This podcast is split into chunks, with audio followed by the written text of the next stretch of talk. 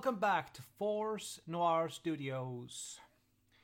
It is time for new WoW Friday, the first of 2021. I hope you had a good Christmas, New Year's, and beginning of the new year. Today we leave Mythos and continue with what is called Primordial Azeroth. It is time to meet a young Azeroth, a very special planet. So let's go to Azeroth.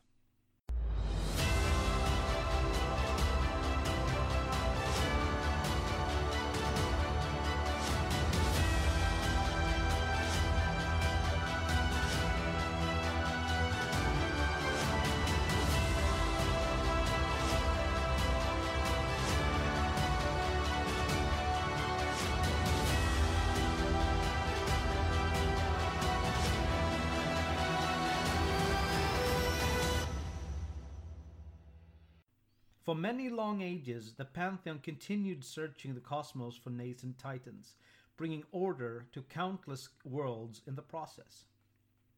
Yet, despite their efforts, they did not find any more of their kin. At times, the titans of the Pantheon wondered if their search was in vain, but always they resolved to press on. They knew in their hearts that more world souls existed, and this hope filled them with purpose. Though the Pantheon did not know it, their intuition was correct. A miraculous new world was taking shape in an isolated corner of the Great Dark. Deep within the world's core, the spirit of a mighty and noble titan stirred to life. One day, it would be known as Azeroth. As Azeroth developed, elemental spirits started spreading across the surface. As time went by, they became more and more destructive. The world was so big that it had consumed all of the fifth element, spirit. Without the chance to obtain balance, the elemental spirits were driven to chaos. Fire, earth, air, and water, all with their own elemental lords, was locked in an eternal battle over influence. Each elemental lord was more powerful than we can imagine, and had total control over the smaller elemental spirits. Among the elemental lords, there was no one that could match the cunning of Al'Akir, the Wind Lord. He often sent his own subjects to spy on his enemies and turn them against each other. Ragnaros the Fire Lord detested Al'Akir's cowardly ways. Impulsive and bold, he preferred raw strength to strike down on his adversaries. Therazane the Stone Mother was, was the one of the elemental lords who mostly kept to herself. She protected her children and erected huge mountains against the others' attacks. Only after they had tired themselves against her defenses would she attack. The wise Neptulon Tidehunter was cautious and didn't fall for Al'Akir's schemes. He watched as earth, fire, and air's armies clashed and used the tactic of divide and conquer to be victorious. These battles continued for millennia, Control over Azeroth would shift between the elemental lords, each with their own wish to shape the world in their image. It was now a group of old gods crashed down on Azeroth from the great dark beyond. They buried deep in different places of the world.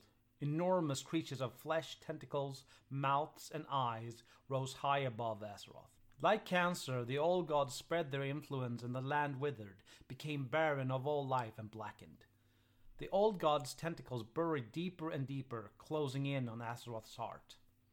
Organic matter bled from the old gods and gave life to two new races N'raqi, or as they would become known, faceless ones. The other was Aqir, insectoid beings with great strength and stamina. They both served their dark masters with fanatical loyalty. Through their servants, the old gods expanded their territories in all directions. N'raqi and Aqir built huge cities around their masters. The biggest was built around Y'Shaarj, the mightiest and most evil of the old gods. Soon the old gods' influence would spread, and they would build what was to be known as the Black Empire. Elemental lords saw what happened and saw old gods as challengers. They swore to throw the intruders off their world. For the first time in Azeroth's history, the world's elemental spirits acted in unison against a common enemy. Al'Akir and Ragnaros created burning cyclones that tore across the world and reduced the Black Empire's citadels to ashes. Elsewhere, Therazane erected walls of stone to crush the temple cities.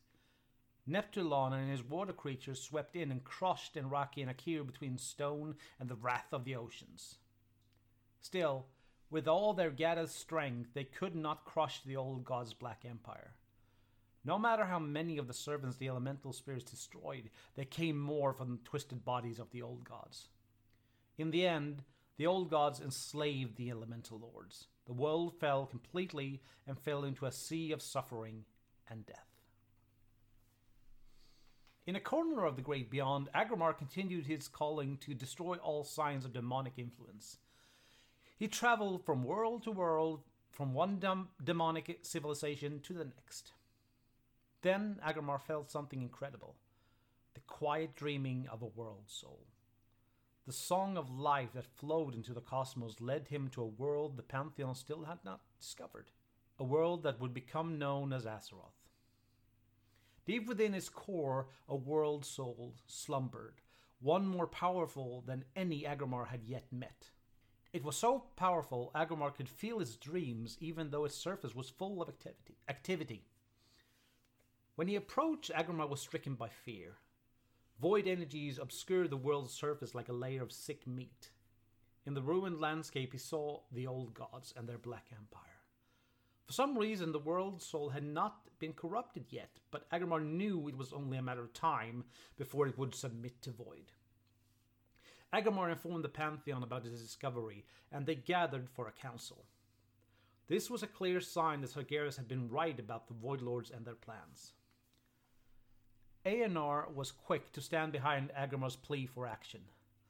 He asked the other Pantheon to consider the world's potential. If they could help the Titan to mature, it might be stronger than Sargeras. In unison, the Pantheon left to help the slumbering Titan. Aggramar had a plan.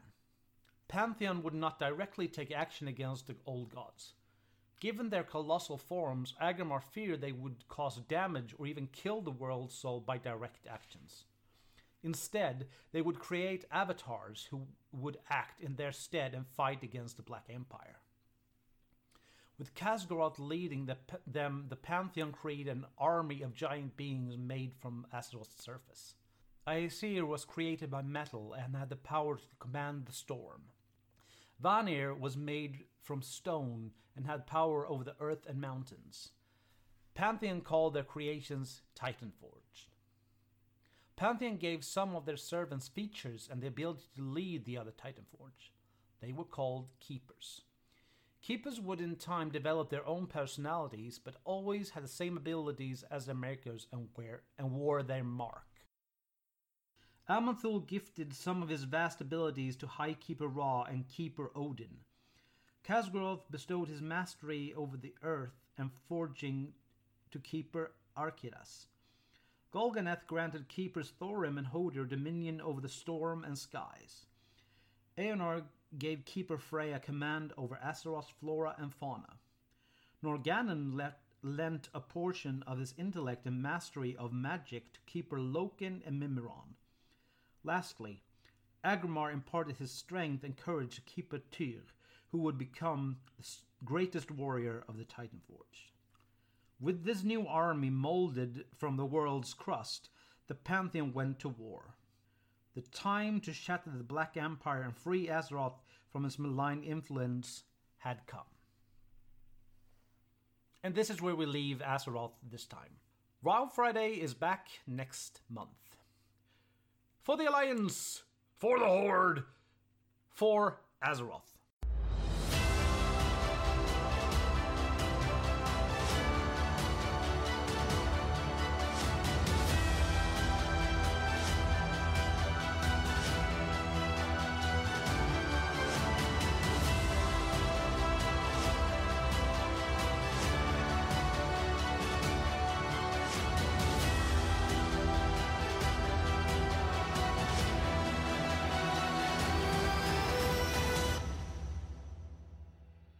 Thank you for listening on today's episode.